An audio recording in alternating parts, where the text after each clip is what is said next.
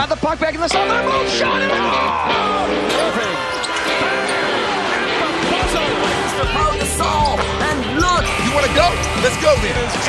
The gun coming in. Dives and he makes the catch.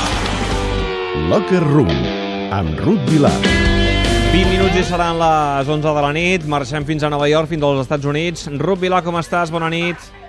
Hola, bona nit. Aquesta setmana tornem a tenir eh, un tema reivindicatiu. T'agraden aquest tipus Sí. de temes al Locker Room? M'encanten. Sí. Avui, però, volies parlar-nos de l'hoquei gel. Això mateix, avui us explicaré el pols que tenen les jugadores d'hoquei gel de la selecció dels Estats Units amb la seva federació.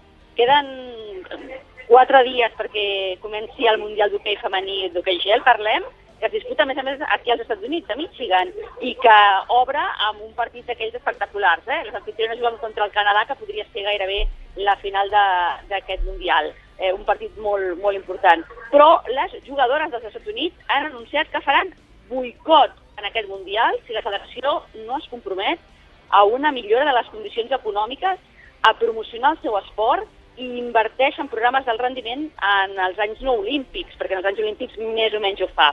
A les últimes hores, a més a més, les jugadores de la selecció d'hoquei gel dels Estats Units han rebut suport també de l'Associació de Jugadors de la NHL, que són els, els professionals homes de l'hoquei gel, també de l'Associació de Jugadors de Béisbol Professional i de moltes de les jugadores de l'equip dels Estats Units de futbol que recordeu també està vivint una reivindicació per eh, demanar més inversió i més diners a, a la selecció. Mm, què vol dir boicot al, al, al Mundial?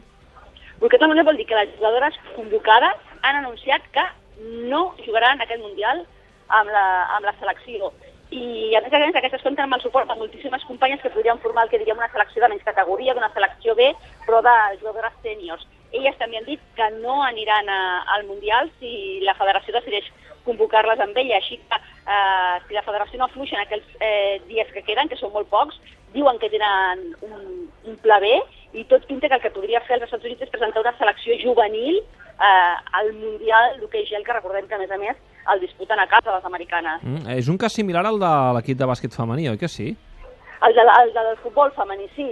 Eh, És, és similar... Del futbol, al- exacte. Sí, exacte. El que passa que al futbol la reivindicació encara és més flagrant perquè en el futbol les que més ingressos eh, reporten a la federació són les dones perquè són les que guanyen més campionats, les que tenen més seguidors. Eh, en canvi, a l'hoquei no passa. Eh? Les jugadores d'hoquei són conscients que elles no són qui mouen els diners, que ho és l'equip masculí, i per tant no demanen una equiparació de salaris amb els homes. Però és que eh, aquest dia llegia que és el que els dona la federació a, a les dones de la selecció femenina i només els paguen 1.000 dòlars al mes els sis mesos abans d'uns Jocs Olímpics.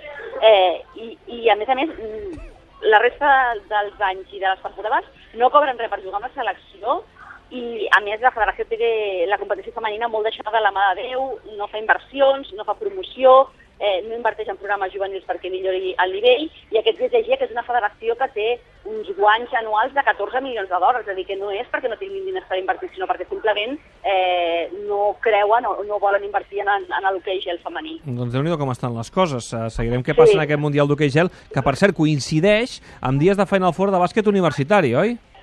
Això mateix, eh, ja tenim classificat per la Final Four, tenim Gonzaga, que és un equip del que hem de parlar, eh, David? És l'equip sorpresa d'aquesta temporada, i Oregon, que també ja s'ha classificat i esperen rivals als enfrontaments de North Carolina i Kentucky, i l'altre duel de Florida i South Carolina, i el pròxim cap de setmana ja tenim la Final Four de la de, de bàsquet universitari, que com ja m'ha explicat moltes vegades al Locker Room, aquí se segueix amb molt d'interès. Mm. Molt bé, gràcies, Ruth. Fins la propera. Fins la propera, adéu.